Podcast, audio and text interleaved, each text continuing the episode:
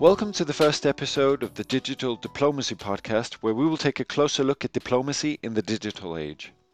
Over the last couple of decades, our societies have undergone rapid and far reaching changes that also affect the way that diplomats work.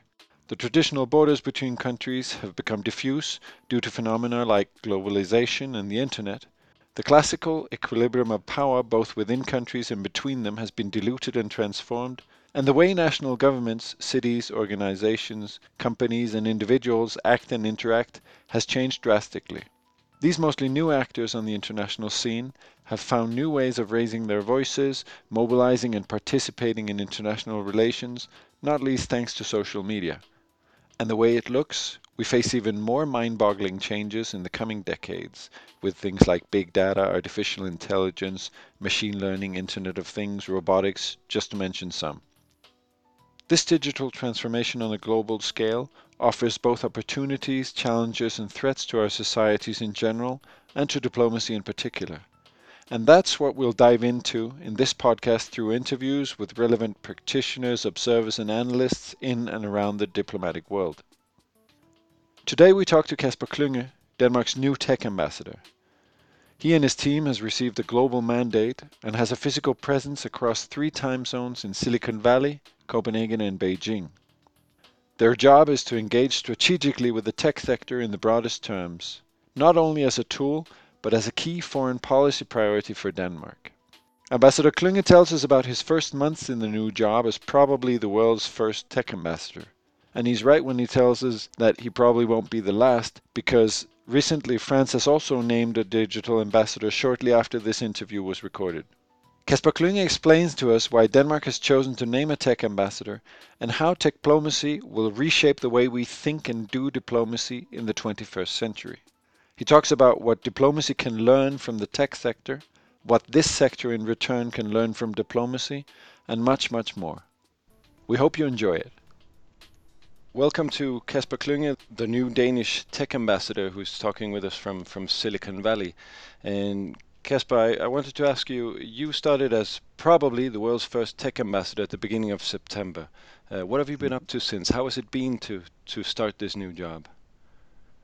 Well, I think the, the short answer is uh, hectic. Uh, we haven't uh, been bored in the first two months since establishing our office here in Silicon Valley. Um, that was expected, uh, but I think it's also uh, sort of a testament to the fact that it actually makes a lot of sense to uh, to establish a, a formalized uh, diplomatic representation that is solely oriented towards the uh, technology industry in, in the broadest sense. Um, in, in practical terms, since you asked me what have we been up to, we've been up to to several things. I mean, recruiting people for our offices, which by the way is not only here in Silicon Valley, it's also in Copenhagen and Beijing. So, you know, one of the interesting things with this initiative is that we're also disrupting sort of the foreign ministry a little bit from within, in the sense that we have a global mandate. It's not only to uh, West Coast industries here in, in the US, it's to all tech hubs uh, around the world. And for that reason, we have a, a diplomatic presence in, in three different locations and three different uh, continents. So we've been recruiting people for that. We've been, uh, you know, building up our network, and and you know, frankly speaking, we've also been doing what the two of us are doing right now, explaining what this initiative is all about, why the Danish government has decided to to take it, and uh, and and what the priorities are within uh, the broad mandate that we have. So uh, hectic times, but also super interesting times, and I think uh, times that have shown that, in in all modesty, that Denmark has uh, chosen to be first movers in an area where there is really a need for it. Why has Denmark chosen to be first mover here? What what is the need of a tech ambassador? What's the vision behind this initiative? I, I think I think it's basically based on an analysis of where uh, global politics of the world is here towards the end of 2017 that uh, you know international affairs uh, is not only a question of, of uh, relations between traditional nation states or tr- traditional states in the uh, also in the multilateral uh, area. Uh, we have to recognize, whether we like it or not, that the tech industries and tech companies are becoming uh, extraordinarily influential. I'm sure that you spend a few minutes, if not hours, every day on, on your Facebook or on your Twitter account. You might also be looking a little bit on Netflix in the evenings or or using other platforms for for for basically handling your life. Uh, and I think that applies to to basically billions of people around the world. But I think what is also relevant here is to say that new technologies um, is also influencing uh, relations between uh, states uh, and and how we act also in the uh, international uh, arena. And and that's basically the the reasoning behind the Danish government's decision to elevate technology and digitalization to a foreign policy priority and to also experiment. And, and i think that's also uh, you know it's it's it's fair to be uh, very honest and frank and say that, you know we're experimenting with this. Nobody's done it before so we don't know exactly what the outcome of it will be but we're trying to to do it. Um, and and the decision is really that global affairs, uh, the relationship between countries, in our view, in the next decade, uh, will be heavily influenced by technology and the abilities of countries, societies, individuals to embrace new technology and, and basically reap the benefits that they bring with them or the opposite to to uh, fall behind to trail behind with uh, with the uh, with the negative consequences that that brings. And and that is a situation and a reality that we have to face. And uh, I think uh, you know the decision of the Danish government and the, the Danish foreign minister was basically let's let's walk uh, you know face forward into the future rather than uh, trying to neglect a little bit the realities uh, as it is here in, in 2017. So just to understand, what, what does Denmark get from this? What does Denmark win?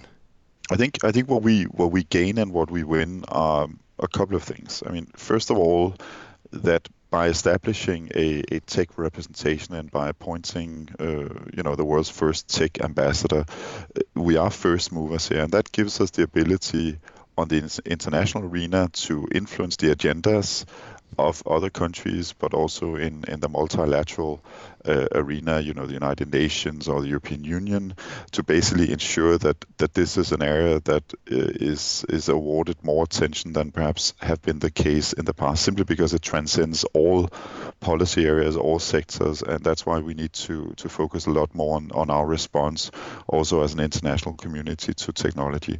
So so the sort of agenda setting ability is something which is important, also because people are are looking at this new initiative with quite a lot of interest the other thing which is more sort of inward looking is of course also that uh, although Denmark uh, I think also on a global scale is, is one of those countries that are pretty far ahead on uh, on embracing new technologies and, and the digital platforms you know uh, whether we talk e-governance or our companies there is a huge amount of focus on rolling out new technology, new platforms, and we're also very fortunate to have a population that are not fear, fearsome of uh, globalization, but in fact uh, very positive, open-minded to what globalization will bring in terms of, of progress, economic growth, uh, the ability to solve some of the problems using new technology. But it's also evident that you know, it's not time for complacency. That's something that uh, our prime minister said very clearly as well. That we constantly have to move ourselves. We constantly have to push ourselves to be uh, at the forefront of, uh, of of societies that are embracing and preparing ourselves for the new technologies.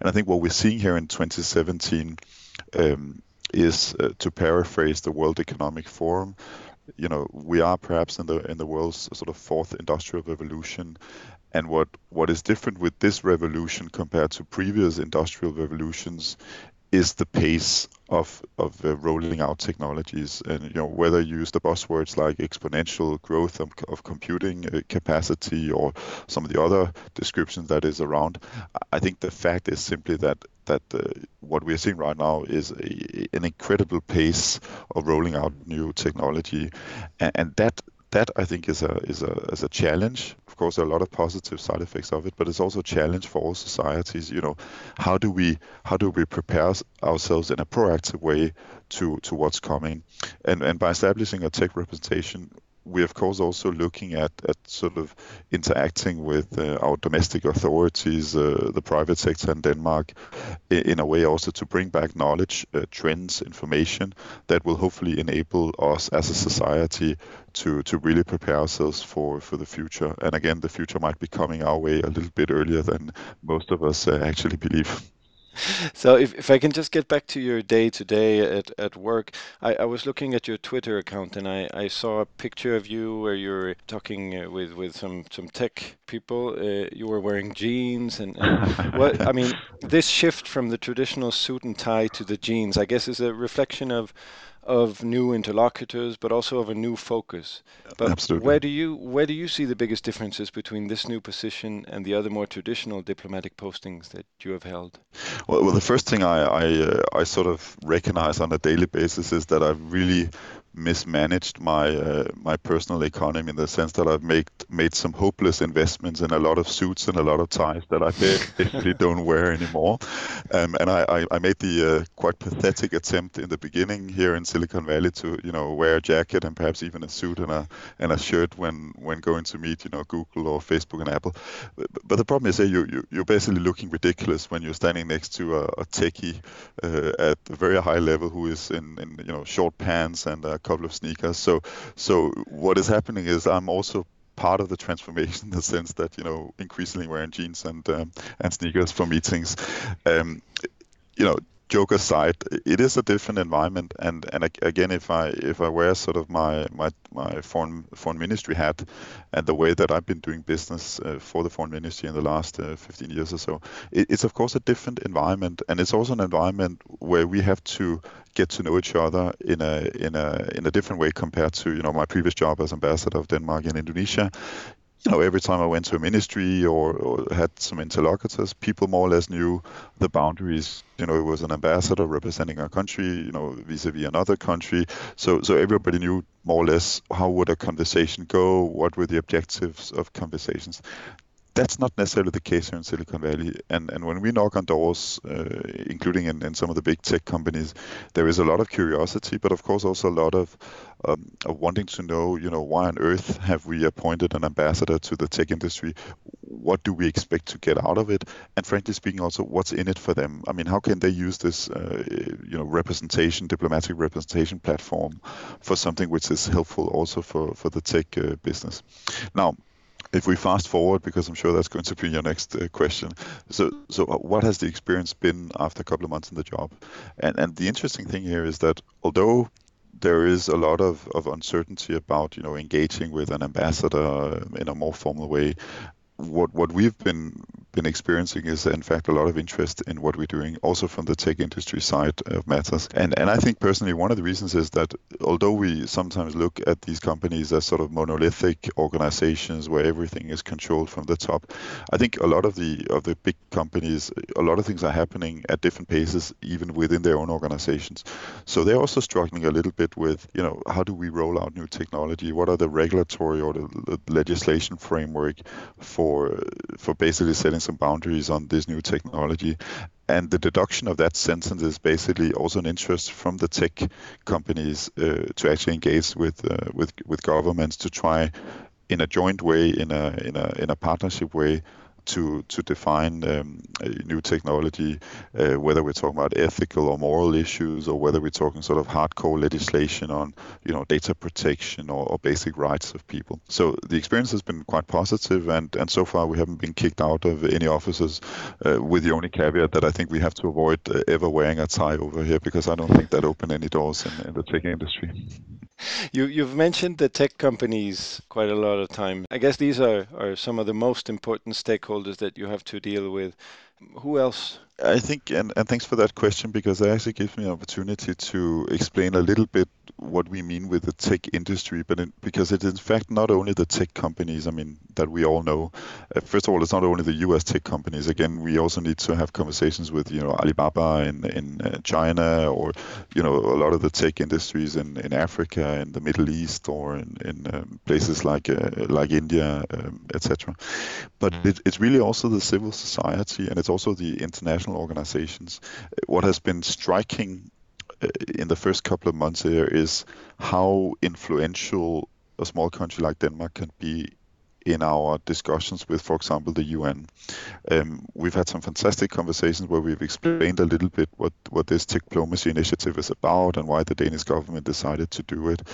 And, um, you know, without wanting to quote uh, specific individuals, some of the responses, even from UN organizations, have been my God, we we've we've a little bit over overlooked this issue, and we really need to get our act together and begin also formulating uh, policies on on technology and digitalization. And I think that shows a little bit the the sort of soft power a small country like Denmark can can have uh, alone, but hopefully also in, in a European Union context, you know, teaming up with, with our brothers and sisters in Europe, uh, because Europe is very far ahead on, on technology and digitalization. That gives us really a soft power that can also influence influence uh, you know the big players, both nations but also international organizations, in putting this on the agenda. And again, we don't claim we have all the answers on how do we regulate, how do we create agile governance in a way that embraces technology and basically ensures that we we, we get maximum uh, positive outcome of it, and at the same time we reduce uh, risks and harm from new uh, from new technology. But making sure that EU at 28 or 27 really begin putting this on the agenda is, is uh, I think enormously uh, enormously important. And we just saw that a, a few weeks ago uh, when there was a big digital summit in in Estonia in the European Union and and I think that shows a little bit the European Union is is slowly, gradually, also becoming much more focused on on this agenda, and I think Denmark can actually play a role here. You mentioned before that that uh, you will be working on a global scale, that that you will be working out of Silicon Valley, but also in Copenhagen and in, in Beijing in China. Could you explain a little bit more the institutional setup? I mean, how many are you working with tech diplomacy and in the Danish Foreign Ministry, and how are you distributed? Uh, absolutely. I mean, if we take if we take my unit uh, to begin with, I mean, once we're fully staffed, we'll be sort of 15, 16 people in these uh, three different locations.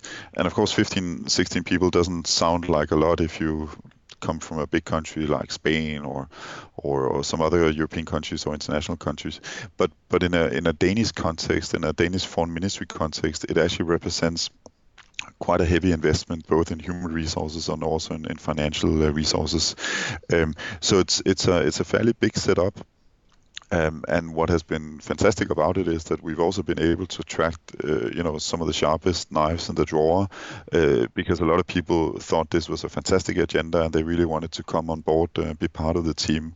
And uh, and I can't reveal it today because it's not public yet, but but some of the people we have coming uh, in to join the team are leaving very senior positions, also in the private sector, because they simply believe in this project. They believe that that this is the right thing to do. That Denmark is taking a very innovative step forward, and you know they're willing to take a heavy pay pay cut simply because they think that it's the right thing to do at the right time, um, and and that has sort of confirmed also uh, on a personal level that uh, that we can actually make a difference uh, with this uh, with this initiative. But I think what is also very very important to underline is that diplomacy is not only about uh, my unit and and my team, it, it's really also something that will be mainstream mainstreamed across the Danish foreign ministry and, and actually across the Danish government. So all our colleagues around the world, uh, including in Madrid, in other parts of Europe, will increasingly become uh, more and more focused on, on technology and on diplomacy. I mean, diplomacy is a, is a political priority which is not similar to the unit that I had. Diplomacy is something that has become a foreign policy priority for Denmark, and that's going to be rolled out across all Danish embassies and representations uh, throughout the world. So we're already now seeing what I would actually call sort of transformation by establishment. And what I mean by that is that we've created this unit and we've appointed, uh, you know, a tech ambassador and what what immediately happens, and that's probably on page one in, in any organizational theory book, is that that all parts of, of uh, our system begin sort of mirroring themselves in this new unit, um, and therefore you know diplomacy, uh, technology, digitalization is already becoming a topic that that uh, colleagues around the world are spending a lot of time on. And I actually think that that will also happen a little bit on the European Union scale. I spent a few days in Brussels last week um, talking to the EU institutions, the Commission, uh, the External Action Service, the Council, but also with a lot of uh, EU member states. And there's an incredible amount of interest in what we're doing, why we're doing it, our takeaways in, in here in the beginning of, of our work. And that I think shows two things. Again, that we can set an agenda and help others uh, focus on what I think is the key issue really for the 20, 21st century. But I think it also shows that we'll probably not be the only ones uh, with with the title that we have, and we'll see other countries uh, following up.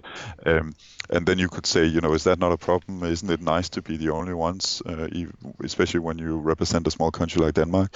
Um, and uh, you know, it's it's good fun here to begin with. Uh, it helps being the the only ones and the first ones, but I actually think that this is so much bigger and so much more important, and we would like to see other countries establishing similar diplomatic uh, footprints on the ground. Because you know, the more the merrier. Uh, the more countries around the table, the better conversations, the better partnerships we can establish with the tech uh, sector, and therefore really help solve uh, some of the issues uh, that we're facing in the next decade.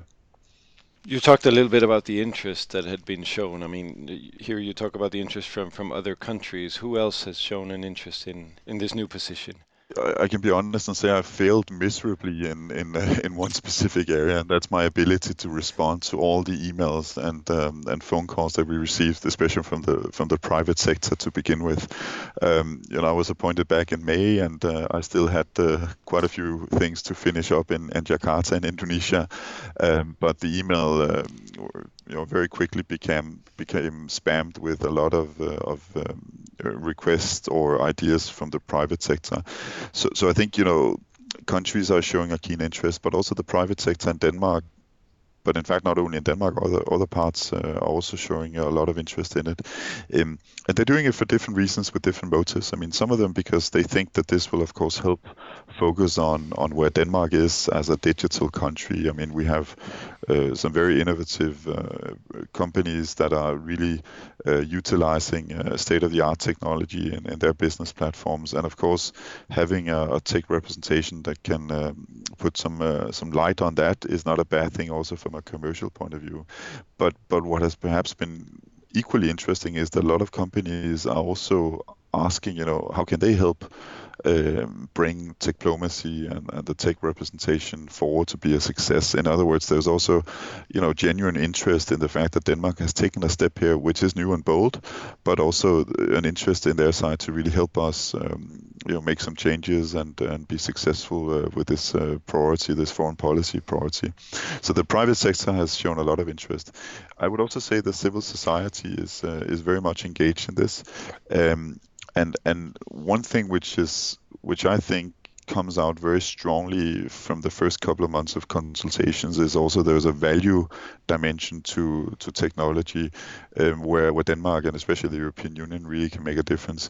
You know, we want to roll out. We really want to gain benefits from uh, from technology, but we also want to do it in a way which is uh, compatible with some of the values that we've been fighting for decades or perhaps centuries uh, for in, in Europe, you know, equality issues, uh, making sure that everybody benefits from uh, from new technology, that nobody's left behind.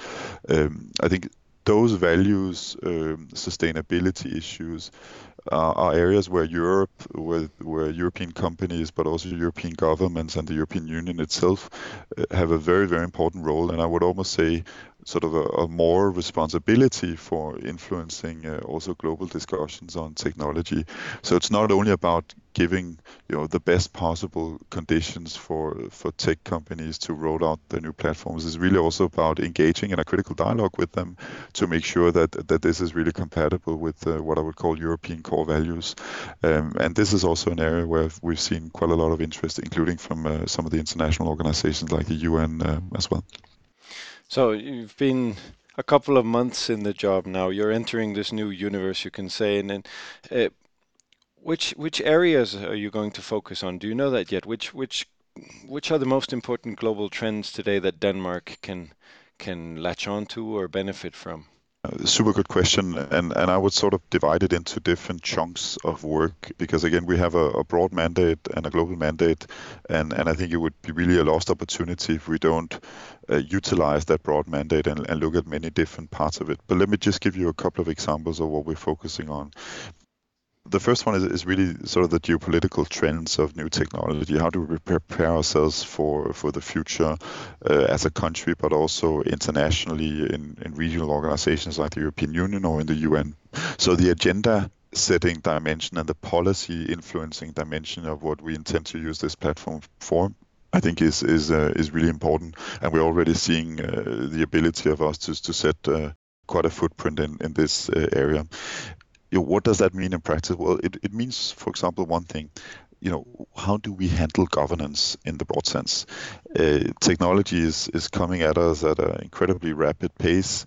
You know, individually, we might not even feel that we're able to cope with uh, all the changes, but I think also as a society um, and as a multilateral organization like the European Union, we, we have to ask ourselves the question: How do we retain a degree of control and influence over, uh, you know, new technologies and new platforms? And and that's not an easy uh, question to answer because you know governments have are by definition always trailing behind a new technology when you look at regulation or, or legislation. And the problem here is the pace of, of matters, which means that that span is is increasing rather than decreasing. And the question we need to ask ourselves: What do we do from a government's point of view? Uh, are we able to to keep uh, up with the pace? Are we not able?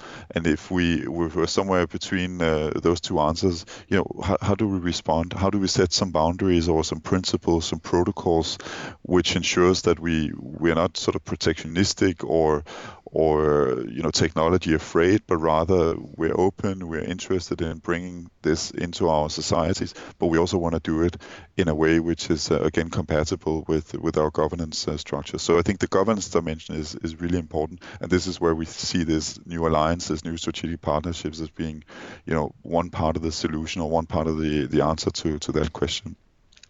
Uh, another thing we're looking at is is to launch specific initiatives. Um, we're not completely ready with it yet, but it could be, for example, to look at how big data can be used on migration issues um, a, as, in a way to better predict uh, you know, migration flows in and out of Europe or elsewhere in the world, but also to ensure that our humanitarian efforts can be delivered with a lot more efficiency. Uh, in other words, uh, that we can create better results for the money we spend uh, at the end of the day uh, to help people in very, very vulnerable situations. So I think that's another good example. A, th- a third example could be you know, using blockchain technology in our development cooperation again, if I take my previous job, you know, we, we did a lot of work on anti-corruption in Indonesia, uh, very important work in a country like Indonesia.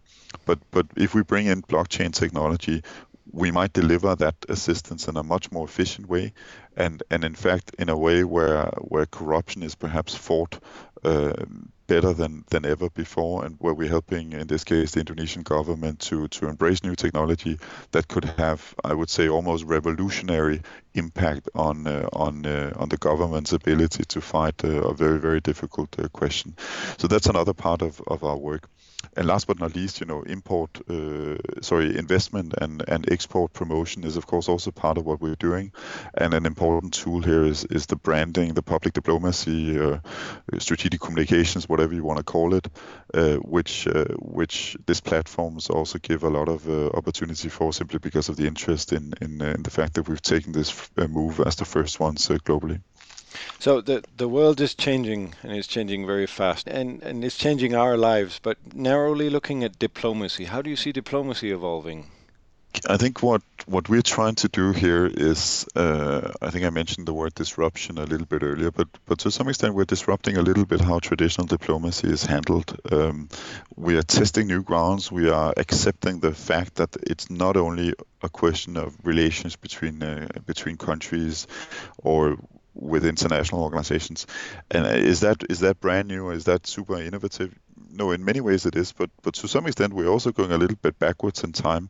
Uh, you know, if you look at the um, companies, uh, you know, in the 18th century, uh, 17th century, you basically also had companies that uh, that had enormous global uh, impact and, and influence, and then and diplomacy has always been about putting people into hotspots or into conflict areas or into areas where you needed to find out what was happening you know what are the trends what are the developments and how do you react to those uh, situations. So, so to, some, to some extent you know it is an innovative and a bold move but it's also something that which is completely in line with what diplomacy in my view has always been about.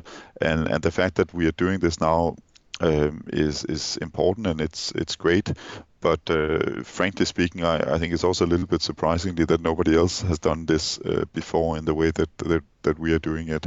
Um, this thing about having representations uh, as a more flexible platform across uh, different continents is also a slightly new way of working. Um, and uh, who knows, that could also be a model uh, that could be used for, for other thematic areas or, or other ways of, of having diplomatic uh, missions. We're also trying a little bit to look at how we work as a foreign ministry. You know, can we use new uh, technology also this might be a little bit more uh, inward looking and, and perhaps a little bit more boring, but can we use new platforms uh, for sharing information inside the foreign ministry? You know, can we become even more mobile where, you know, we're sitting talking together right now. I'm sitting in front of a traditional uh, PC, uh, a very fixed one that will not move unless I bring the table with me. Um, but but we also we also want to test sort of mobile platforms, uh, working much more uh, not out of a specific uh, physical presence, but but perhaps being a lot more mobile, a lot more agile um, in in the way of, of doing business. And I think those are are experiments that we will see uh, other parts of, of, foreign ministries adopting, uh, regardless of, of what area we are covering. Yes, I mean, you are very active on, on social media, Twitter, and, and to many people, digital diplomacy or diplomacy 3.0 is mostly about ambassadors or, or politicians, presidents on Twitter or embassies on Facebook. But there are many more opportunities here with these new technologies. Absolutely, but but I, I think one should not underestimate the uh, let's call it strategic communications dimension of, of what we're doing. And one of the reasons why I'm very, very favorable to, to social media is that I think it's so consistent with a key value for Denmark or for the European Union, which is transparency. Um, you know, there's if if you're not if you don't have your a job like yours, uh, Mikkel, or my own, you know, there's a degree of sort of demystifying what diplomacy is all about. And I think social media is a super powerful tool in that sense that people can go in and they can look, you know, what am I doing on a daily basis? Uh, what conversations are we having? Of course, we're not revealing all parts of the content of those conversations, but we are in fact being quite open about who are we meeting, what are the topics that we are discussing. And I think that's again really consistent with uh, with our values and also what diplomacy in the 21st century should really be about. It's not only about closed doors and and high level meetings. It's also about engaging with a much broader uh, part of uh, of society, getting inputs from from uh, from people uh, on the streets or from specific uh, ecosystems.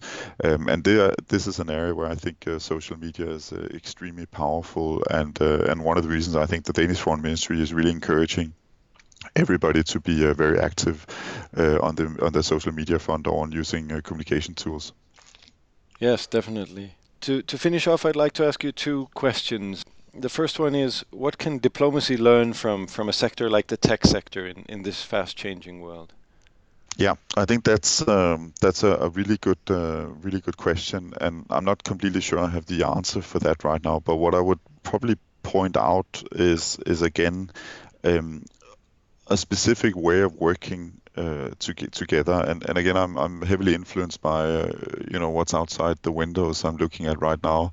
So Silicon Valley and Palo Alto, where I'm sitting, you know, I don't think you can find any country around the world who is not interested in replicating Silicon Valley and and this ecosystem and, and the, the venture capitalists that are, are present here. Um, I'm sure if you ask in Spain, you would probably find uh, all regions saying we would we would like our own sort of Spanish Silicon Valley, and the same applies in Denmark. But when you ask the question over here, you know, why is Silicon Valley Silicon Valley? Uh, I think the best answer I've heard is that it's it's really a specific way of working, a specific network mentality, a specific way of sharing uh, experiences, both positive and negative. And another thing which I think is is key to the success of this part of, of the world in the tech area is that they have a very multidisciplinary approach to cracking issues. And I think that's a very, very important part of uh, of why the tech industry is successful, and that's something I think we can be very much inspired about. You know, instead of sitting and I, you know, I'll become very unpopular now among uh, my uh, my colleagues in the foreign ministry, but but sometimes cracking an issue or finding solutions to to global issues uh, perhaps requires us to look a little bit outside our own our own areas. So, you know, doing hackathons or bringing in people with very different skill sets than what we're used to um, I think is is uh, is in many ways a 21st century uh, way of working together. Um, and what you will see also with the team that we're establishing here is that it's not only boring diplomats like myself or, or my deputy. We're bringing in people from the private sector, uh, from civil society with different skill sets and a different approach, a different view on uh, on on global affairs, on technology than, than what we have uh, ourselves. And I'm looking very much forward to see you know, with this multidisciplinary approach can also do for, for diplomacy. And who knows, that might be uh, something we can get inspiration ar- around, uh, regardless of what topic or, or issue we might wanna wanna dive into and, and crack. Yeah, and then, then the other way around, what can what can others, a sector like the tech sector, learn from from diplomats, from diplomacy? Yeah, I'll give you I'll give you a, a, a very factual anecdote. Uh, I was in Copenhagen a few weeks ago where I, uh, participated in the Singularity University Summit in, in Copenhagen, the Opera of Copenhagen. Actually, uh, you know, more than a thousand people, uh, most of them techies, uh, came together to discuss a little bit what uh, what will happen looking ahead, the new technology, and, and all of that. Um, and one of the major Danish newspapers had an editorial, you know, the day after where it said, you know for, forget governance, uh, look to singularity to find the answers of tomorrow. And to be, you know, perhaps a little bit polemic around this, I think that's that's really failing to understand the incredibly important role of uh, of governments and the international community uh, especially in the area of the fourth industrial revolution and, and, exponential growth. Because I would in fact say yes, look at the look towards the tech industries for finding innovative technologies that can help some of the problems, but look to governments for ensuring that the that the framework under which these technologies are being uh, being rolled out that that is uh, is appropriate, consistent, that nobody's left behind, that ethical issues, uh, governance issues are, are really being handled in in the appropriate way. So I think if we if we boil this down to to one word, I think the responsibility uh, dimension is something where the tech industry um, can benefit from a dialogue also with uh, public uh, civil servants like us um, in in also saying well you know it's it's not only commercially driven you also have an enormous responsibility because of the impact of your platforms and your technologies and the number of people that you that you reach uh, with new technologies. And that responsibility is something uh, that you need to take quite seriously and you also need to discuss with us with with the public sector you know how is that best handled and how is that best uh, rolled out in, uh, in in the right way um, so the responsibility dimension is something where I I think the private sector can uh, can benefit from uh, engaging with us. And by the way, that's also an area where I think they are quite interested in uh, in having this dialogue with us. Thank you very much, Ambassador Kasper Klynge, and good luck with with your new job and and uh, with promoting Danish interests in uh, in the tech world as well. Thanks very much. Looking forward to coming to Spain and Madrid to discuss this further. Me too. Thank you.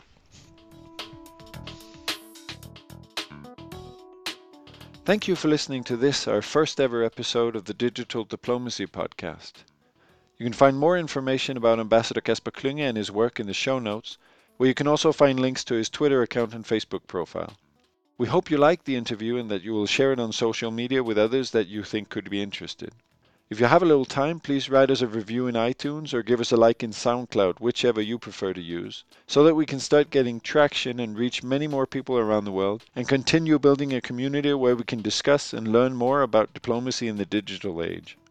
We'll be back soon with more interviews with interesting perspectives on the way diplomacy is changing, evolving, and adapting to the disruptive changes that our societies and international relations are undergoing these years. Until then, have a great time.